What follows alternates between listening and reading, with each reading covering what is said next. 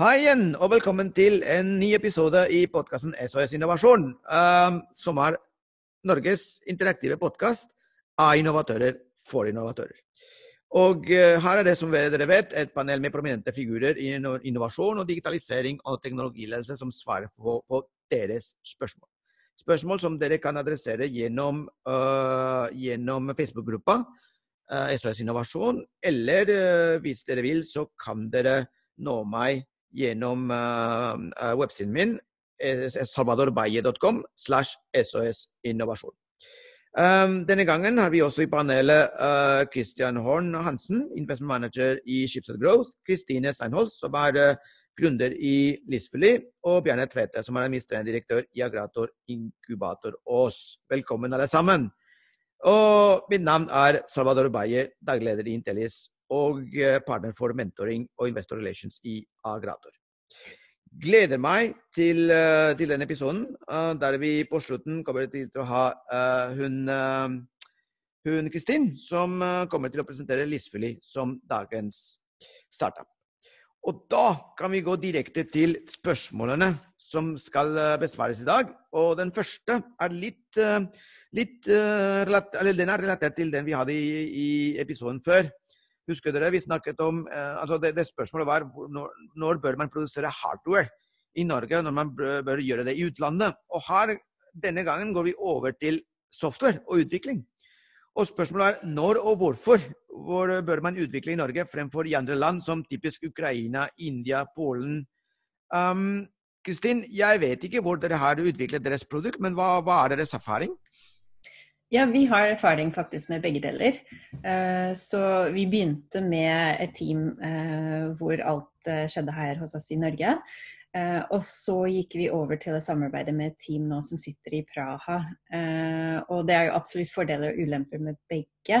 Jeg tror det handler mest egentlig Og det handler om mange ting, men særlig faser man er i.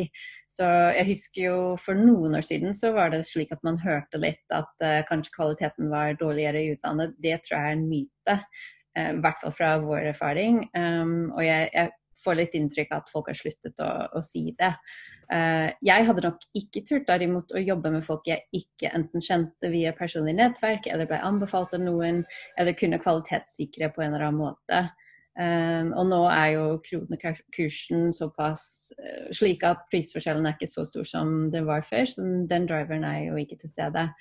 Um, men for oss så var det veldig viktig sånn, i startfasen, planlegging, brainstorming, at man, man, er team som sitter sammen, som blir kjent, som bygger tillit, som, som får på plass den først, aller første problemforståelsen og starten og løsningen. Um, jeg kjenner noen, noen ikke-tekniske gründere som måtte starte med eksterne leverandører bare for å få en MVP på plass, sånn at de kunne etablere proof of concept. Um, men jeg tror det må være veldig vanskelig, og det aller beste er jo at man er, jobber på samme sted uh, over tid og virkelig blir kjent med problemet og, og kundene osv. Eh, men så er det også vanskelig å finne nok utviklerkompetanse i Norge noen ganger. Særlig for kanskje vi som er tidlig fase og har kanskje ikke de ressursene til å, til å konkurrere med de store selskapene som ønsker å ansette norske utviklere. Um, så jeg gjorde alt jeg kunne når jeg trengte mer kompetanse å finne folk her. Men uh, så ble jeg introdusert til et lite team uh, via noen bekjente her, uh, og de holder til i Praha. Eh, men de har klart å ta ballen videre på en utrolig bra måte. Så selv om de er ikke ansatt i firmaet per i dag, vi jobber utrolig tett sammen. Samarbeidet har vært fantastisk. Eh, og jeg har egentlig ikke opplevd eh, så stor forskjell, i hvert fall i samarbeid og relasjonen på den fasen vi er, har vært i, som er da virkelig å utvikle og teste den konkrete løsningen vi hadde kommet til i startfasen. Eh, men nå igjen så går vi i nok en ny fase hvor da vekst vil være prioritert. Og det vil gjøre at jeg har veldig lyst til å bygge opp et større team her som er dedikert og som kan jobbe tett sammen, jobbe fort for å vokse, eh, vokse raskere. Eh, basert på den tilbakemeldingen vi får når vi er ute på markedet mer. Uh, og slik at vi kan være litt mer aggressiv uh, og, og, delegere mer og ha mindre ansvar selv på utviklingsside osv. Så, videre. så jeg har veldig lyst til å ha et team som da er i Norge, fordi jeg er i Norge. Eh, som står opp midt på natta med gode ideer og kommer inn på morgenen og vi kan rulle sammen, og, og som virkelig brenner for at vi skal få dette til. Eh, så, så, jeg har opplevd begge deler, positive og negative. Um, jeg elsker vårt team i utlandet, og jeg har ingen planer om å slutte å jobbe med dem. Men jeg føler det er veldig viktig nå for at vi skal bygge teamet vårt uh, videre her i Norge. Uh, både på salg og teknisk. Um, og det er derfor jeg er ute og snakker med investorer nå. Ja, fantastisk. Kristian, mm. hva er din, din erfaring rundt det der? rundt utvikling i Norge fremfor andre land? Eh, min erfaring er vel eh, Det er litt som Kristine også beskriver. Det er liksom blandet. Eh, noen selskaper har vært fantastisk fornøyd, fått til et veldig godt samarbeid. Og, og Schibsted som altså som konsern har jo hundrevis av utviklere i Polen som jobber på ulike prosjekter for VG, Aftenposten. Og jeg vet at man har fått et veldig godt samarbeid der. Og, og, det har i stor grad vært en suksess, ikke minst fordi man kan skalere opp ganske, ganske raskt. Um, men, uh, men, så, men, så, er det klart at de tidlige prosjektene eh, hva gjelder startups som, som utviklet utenlands, uh, var jo ofte problematiske. En, Hvorfor altså, det? Hva er, hva er det største problemet? Nei, men jeg vil si altså, Kanskje det største var jo liksom eh, kommunikasjonsutfordringer. Altså, det kunne liksom være forskjell i kultur, eh, måter å gjøre ting på. Det kunne være praktiske ting som, som vi diskuterte tidligere, rundt tidsforskjell f.eks. Ja. Eh, språkutfordringer eh, er jo også en del av, av, av, av det. Eh, en annen ting er jo den, liksom dette med å, at i praksis så eh, i mange land så kan det være en stor sjanse også for, at, uh, for kopiering. Ikke sant? Det er ikke de samme standardene, samme avtaleverkene som man legger til grunn uh, i, i, Norge. Så, men det er en del ting man må være oppmerksom på. Og jeg tror, uh, som også Kristine er inne på, at dette med at kunnskapen skal være lavere andre steder, det, det er definitivt en myte. For jeg tror at treffer du riktig, så har du et fantastisk potensial i å bruke Eh, ressurser i utlandet. Mm. Og det er, nok det er jo mye større konkurranse eh, i dette markedet enn det var også. slik at du har mange flere å velge, velge mellom. Kan jeg spørre deg noe, Kristian? Ja, bør man ha den gjerne utviklingsteamet i la oss si Ukraina, da, men allikevel ha CTO-en i Norge? Jeg ser at mange, mange har det etter hvert. Eh, og de gjør nok det av en, av en grunn. Eh, at de ønsker på en måte å eh, sitte med kontrollen nærmere produktet, og at de sitter med et overordnet produktansvar i, i Norge som sitter tettere på, på management. Um, mens du har på en måte en pool av ressurser i uh, ja, være seg Ukraina eller Hviterussland eller hvor det, hvor det skal være, som CTO-en kan styre og skalere opp og ned eh, etter ønske. Um, så, så jeg, eh, tendensen er der, ja. At det er flere, vil jeg si da, at det er flere og flere som ansetter en norsk CTO, og så har de produksjon i utlandet. Mm. Ja, det, og det, det, har jeg faktisk sett, eh, etter min erfaring, at det fungerer veldig bra. Ja. Hvis, uh, hvis, hvis teamet kjenner CTO-en, og CTO-en kjenner teamet, vel å merke. Absolutt. Og, så er det Det er jo, ikke sant, som alt annet er jo som people business også. Du skal eh, det, det, det, på en måte Det krever en sånn kontinuerlig eh, jobb, da. Det krever, det krever, mye mer oppfølging enn man kanskje skulle tro. Eh, så de er jo og blir en, en, integrert del av teamet ditt, selv om de sitter eh, ja. Eh, milevis unna. Bjarne, hva er din take på det der? Uh, utvikling i Norge fremfor andre land. Er du enig med Kristin og Kristian? Uh, eller hva, ser du i de, i de, etter din erfaring i Invento og før det, og, og nå i Agrator? Nei, altså det som Jeg har jo faktisk også en bakgrunn hvor jeg har sittet og programmert selv da, og, og, og, jobbet med, med, sånne ting. Så det, så det er mer mer tilbake på det. Og også noen oppstartsselskaper jeg har vært, vært inne på som, som, har gjort det der. Det som, det som vi gjorde i ett oppstartsselskap som hadde eh, to programmerere, og vi startet selskapet, og han eh, som hadde ansvar for programmeringen og, og hadde da avtalt skulle være CTO, det, eh, han greide aldri levere. Til slutt så innså vi at det der funker ikke. Eh, og vi ble da enige med han om at han gikk ut av selskapet. Og det som var gjort feil da, var at hadde han hadde programmert på noe helt nytt, en helt spesiell plattform. Um, så da, da, satt vi der og hadde et alvorlig problem. Og, og, det vi da gjorde, var at man først fikk tak i noen studenter som kunne ta det som et prosjekt. Uh, han ene studenten var russisk. og Han dro da tilbake til, eh, til eh, Russland etterpå. Eh, og de bygde opp et konsulentselskap. Og han var da også månedsvis i Norge og, og, og en del i Russland. Så, så, det går ikke sant, på det med, med kommunikasjon. ikke sant, At du, du, du, må, du må greie å kommunisere og ha samme terminologi. ikke sant? Eh, og forstå de som sitter eh, og programmerer, om det er i Polen eller Russland eller altså et, et, et annet sted, en annen lokasjon. Nettopp. Og det er derfor jeg syns at dette med å ha en CTO eh, lokalt, da, men som kan språket, jo hvis ikke språket, kulturen, og hvis ikke kulturen, eh, at, de, at, at, teamet og han eller henne uh, forstår hverandre godt. Ikke sant? Og det er tillit mellom de to. De, de, altså, miljø og CDO-en er ekstremt viktig, altså. Ja, ja det, og det, det, er viktig fordi at de må kommunisere for at du skal få til å utvikle. Og så er det én ting til som er ekstremt viktig der. Det er det at du bør ha noen i Norge, eller noen som er ute sammen med, med ledelse, eller, eller altså de som har ansvarlig for, for å prate med kunder og forstå kundene.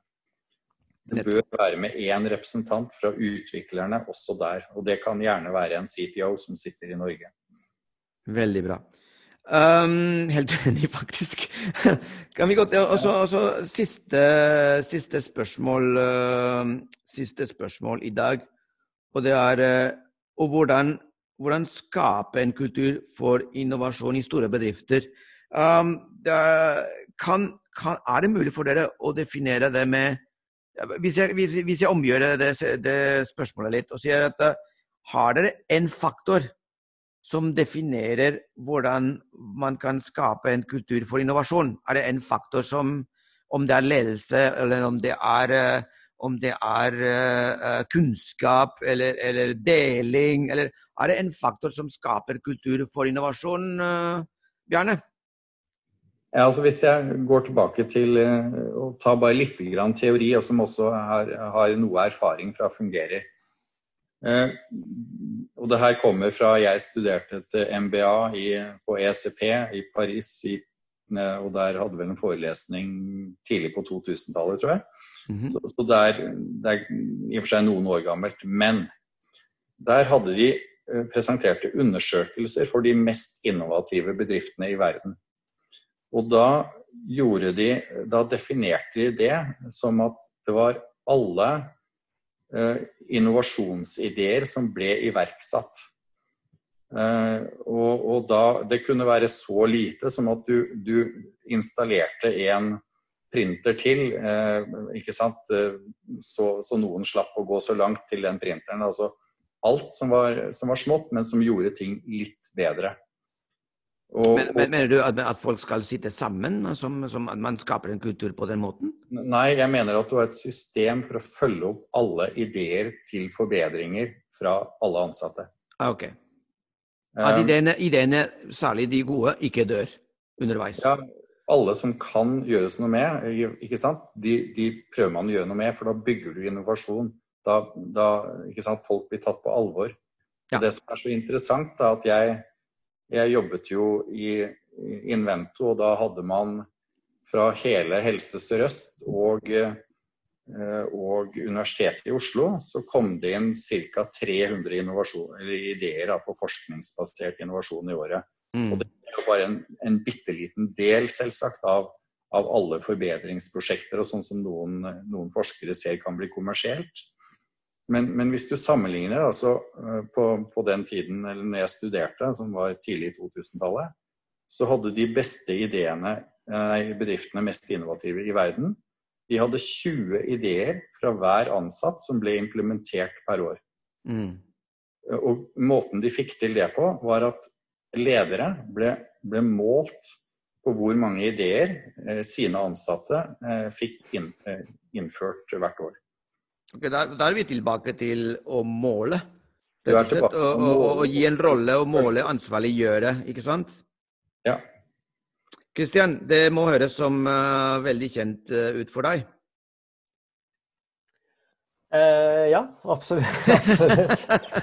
jeg syns det, det, det, det, er et stort spørsmål, krevende. Jeg, jeg vil jo si at jeg syns det er veldig interessant det Bjarne, Bjarne tar opp. og så er jeg som person er jo litt liksom, opptatt av liksom, hva, hva blir outputen av dette her. Så, så jeg vil jeg si at liksom, det, det, å ha insentiver også, mm. eh, som ligger til grunn for at man eh, og, og, og, ikke minst at folk får et uh, eierskap uh, til, til, dette, er liksom, viktige faktorer for å faktisk få materialisert det over tid. Da. og jeg kommer liksom litt tilbake til eksempler rundt hvordan man på en måte har etter hvert klart å eh, gjøre noe ut av disse, disse ideene, hvordan man, man, har strukturert det. Mm. Altså Hvis du tar VIPS som eksempel, eller hvis du tar, eh, eh, som jeg tidligere påpekte, VG Mobil, eller altså en del sånne liksom, hvor du har fått ideer eh, internt fra som har på en måte blitt satt ned i egne, egne som, som, egne startups i bedriften. Da. Eh, ja. og, og, og, at man igjen har fått liksom full kontroll på budsjett, utvikling. Eh, kunne bygget egen kultur, egne mål, eh, og så skapt noe ut av det.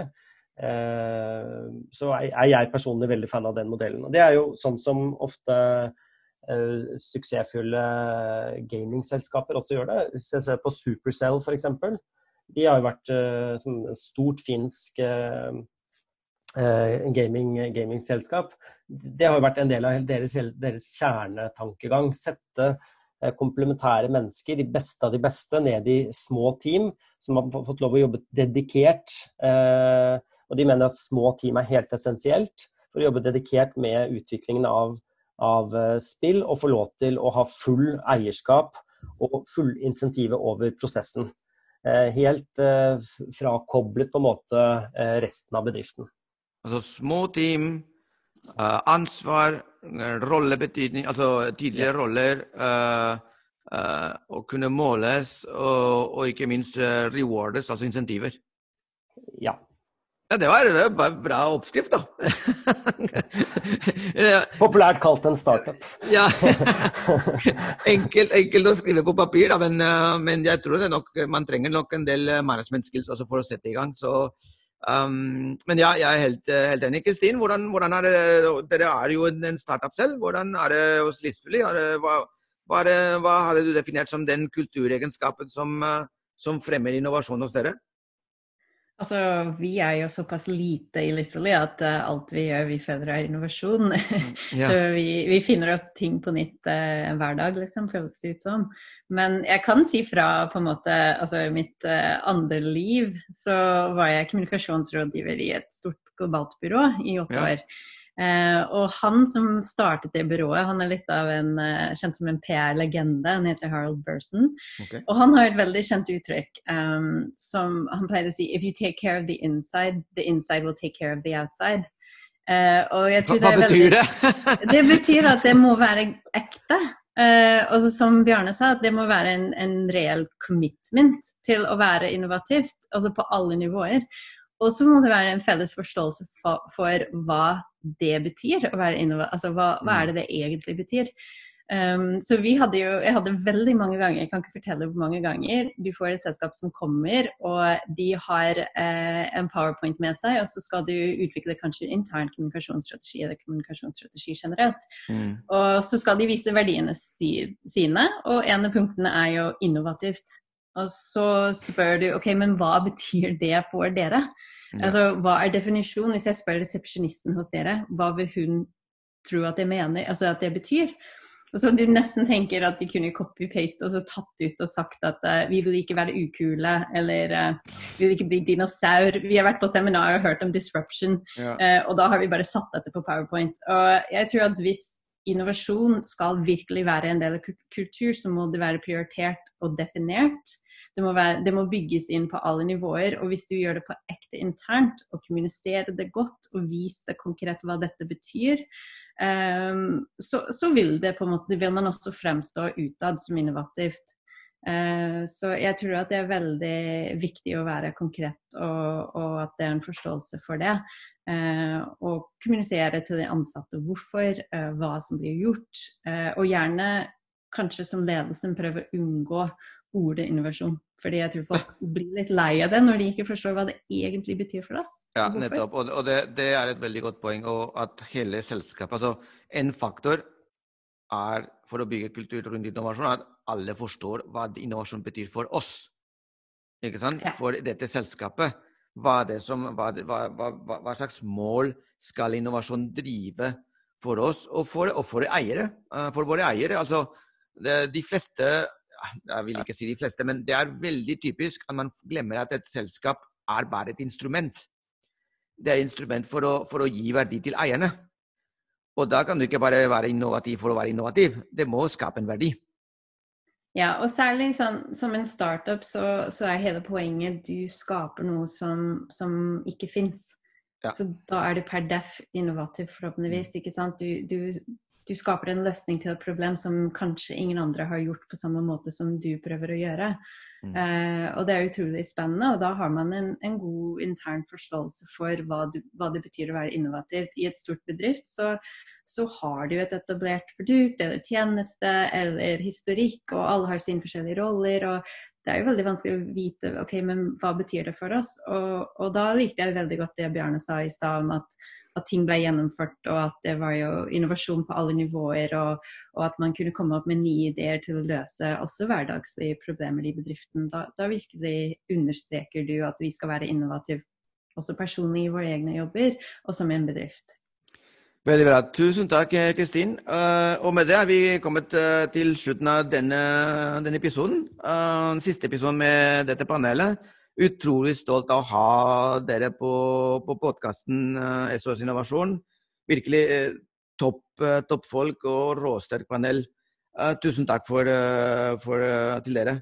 og allikevel så er det interessant, for nå skal vi presentere dagens startup. Og det er faktisk listfull med Kristine Steinfold, Steinfold så Kristin, vet du hva? Du kan forlate panelet nå. Og nå, the stage is yours. Velkommen. Hei, Salvador. Uh, takk for at jeg kunne fortelle om Listfully. Uh, Listfully er en app og en plug-in for nettbutikker. Og den lar brukere samle ting som de ønsker seg fra hvilken som helst uh, fysisk eller nettbutikk. Så enten fordi de vil huske til seinere for seg selv, eller fordi de vil lage gaveliste som de deler med andre. og vi er den eneste ønskeliste-app som gir brukere full frihet, og som tilbyr løsning for nettbutikk. Så egentlig i starten så var det, dette bare en app uh, for gavelister, fordi min familie sleit med å finne gaver til hverandre i julen og på bursdager og sånt. Det holder jo uh, ikke sant. Og, og, da lurte jeg liksom hvorfor har ingen laget en slags bryllupsliste, men for alt. Uh, men etter at vi lanserte den appen, så så vi at mange brukere lager faktisk lister for seg selv. Fordi uh, de fleste er jo ikke klare til å kjøpe et produkt den første gang de ser den. Uh, så enten forlater de ofte en butikk uten å kjøpe, eller så kjøper de feil og sender tilbake i retur. Og det skaper jo faktisk to milliarder kilogram i forsøpling hvert år. Så Lizzie er et alternativ, og jeg håper at vi kan hjelpe folk å bli mer bevisst på hva de kjøper, enten for seg selv eller om de skal finne en gave til noen. Men Det er utrolig spennende, fordi uh, jeg, jeg, var med på å lede et webinar for ikke så lenge siden om, hvordan, uh, om, om plattformøkonomien og i regi av Smart Innovation Norway. Um, og uh, da var det en bekymring sant, hos noen der, som mente at plattformen øker kanskje consumption. Ikke sant? Ja, ikke sant. Ikke sant? Men det dere det, det, prøver å gjøre hos Livsfyldig, er rett og slett å, å, få folk ja, til å kjøpe, men at de kjøper conscious. Hvis jeg skjønner ja, det riktig. De kjøper, og kjøper riktig. ikke de kjøper riktig. Altså, vi vil jo ikke vi vil redusere, redusere unnskyld, feilkjøp. Så vi vil liksom gi folk en mulighet til å tenke på noe før de impulskjøper. Eller at de kan si hm, jeg vil ha den tingen kanskje, men jeg skal ikke kjøpe til meg selv. Da vil jeg heller få det i gave, istedenfor å få en gave som du egentlig kommer aldri til å faktisk bruke. ikke sant? Nettopp. Mm. Nettopp. Men er det, er det en slags uh, Amazon wish for everyone? Uh, kan yes. man si det sånn, uh, noe sånn? Ja, det er akkurat det det er. Så På Amazon for eksempel, så kan du samle all mulig slags forskjellige ting. Men vår knapp er en ønskelisteknapp som kan gå i hvilken som helst nettbutikk. Og da bare klikker du på den, og produktet går til listelig. Ja, det det er egentlig superspennende. Altså, jeg, jeg, jeg, jeg, Nei, jeg skulle bare si, Selv om vi har plattformbutikk, det som er litt kult, er jo at um, verdien som butikken får, får de allerede fra dag én. Så vi, vi, bygger opp en stor masse med brukere, sluttbrukere, men de må ikke være der for at butikken skal begynne å, å, å få fordel av å bruke det for deg. Det er det gøy. Supergøy. Men du, en, en, en, et, eh, en problemstilling som jeg alltid peker på når en gründer kommer til meg og sier at de vil lage en plattform er at uh, en plattform må populeres. ikke sant? Du må ha mm. produkter, eller du må ha et tilbud, og du må ha etterspørsel. og ja, Det, det, kunst, det kunststykket der med å populere en, uh, en, plattform fra begge sider, slik at det blir til en uh, funksjonell, et funksjonelt mark nei, en funksjonell markedsplass, er vanskelig. Hvordan, hvordan, hvordan, har dere, og Nå tenker jeg på koronatid. og sånn, Hvordan er, har dere blitt påvirket av, av korona i forhold til, til, til å populere plattformen og, og, få den plattformen til å vokse. Hvordan har det gått?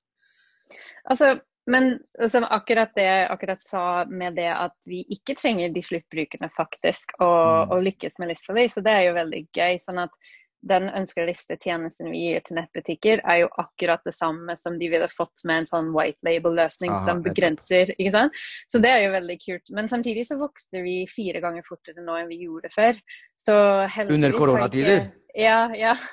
Okay. Så vi lanserte, vi lanserte en app på Shopify et par uker før korona, egentlig. Uh, og den har blitt installert nå hos fire, altså mer enn 400 nettbutikker globalt. Um, så vi vokser med over 1000 brukere per måned. Og vi uh, jobber med å teste ut uh, prismodellen for å, mm. å, kunne bli klar til skalering videre i 2021. Veldig bra. Og hvor, hvor, mm. hvor er det, det, det høres kjempebra ut, men hvordan, hvordan skal dere videre? Dere har en, et bra Det virker som om dere har en bra, en bra tjeneste. Dere vokser. Uh, hva, hva, skal dere, hva, skal dere, videre? Hva er deres, uh, deres planer fremover? Ja, vi har jo egentlig for det meste bootstrappet uh, ganske lenge nå. vi har noen investorer om bord, men nå trenger vi virkelig å bygge team for å kunne satse. Uh, så jeg, jeg, trenger å finne gode tech-profiler, uh, kanskje folk med ecom-kompetanse fra før, som kunne mm. tenkt seg å være med. Så det hadde vært kult hvis noen uh, som hører på dette, vil ta kontakt. men vi trenger også å snakke med, med pre-seed investorer som kunne Nettopp. tenkt å, å, være med og hjelpe oss å bygge dette og, og vokse. Det er ikke å hjelpe dere å, å, å, få privilegiet, være med på privilegiet til å hjelpe dere til å vokse videre. Du, du gjør en fin tjeneste. Det er, det er vanskelig tider for alle, men, eh, men som sagt, jeg syns at, eh, at, vi på en måte må jo alle hjelpe hverandre, særlig i ja, i et lite miljø som Norge. Ja, og, og, bli kjent med hverandre og, og fortelle om andre ja. Nei, altså det jeg mm. mente er at uh, investoren får nå privilegiet til å kunne bidra til deres vekst. Det er det jeg prøvde å si. Ah, ja. ikke, ikke, vær, så beskjeden, da. ja, ja, ja. Ok, Veldig bra. Men du, kjempefint. Uh, da vet alle som hører. Uh, hvis du er en investor som tror på, på vekst, og på, tror, tro på internasjonal vekst, og, og konseptet til livsfully uh, livsfully er, um, er tiltrekkende, eller tiltalende, det er bare å ta kontakt med Kristin. Uh, Kristin, hva er deres, uh, hva er deres adresse? Det er listfully.org? Yes. Listfully.org eller no. Mm. Veldig bra. Og, og hvis noen som hører på dette, har lyst til å starte et kjempespennende selskap, og en, og en startup som, som vokser, og viser til enda mer lyst til å vokse, så er det bare å ta kontakt uh, gjennom listfully.org. Eller dere kan uh, rett og slett sende en, uh, en mail til salvadorbaye.com. Eller dere kan, dere kan gå på SOS Innovasjon Facebook-gruppe Facebook og ja, ta kontakt derfra. Så ikke, ikke gå glipp av denne muligheten. Tusen takk, Salvador. Du er snill. Da, da, snak, da snakkes vi, Kristin. Tusen takk til deg. Ha det. Takk, takk. Ha det. Ja, men det gikk kjempebra.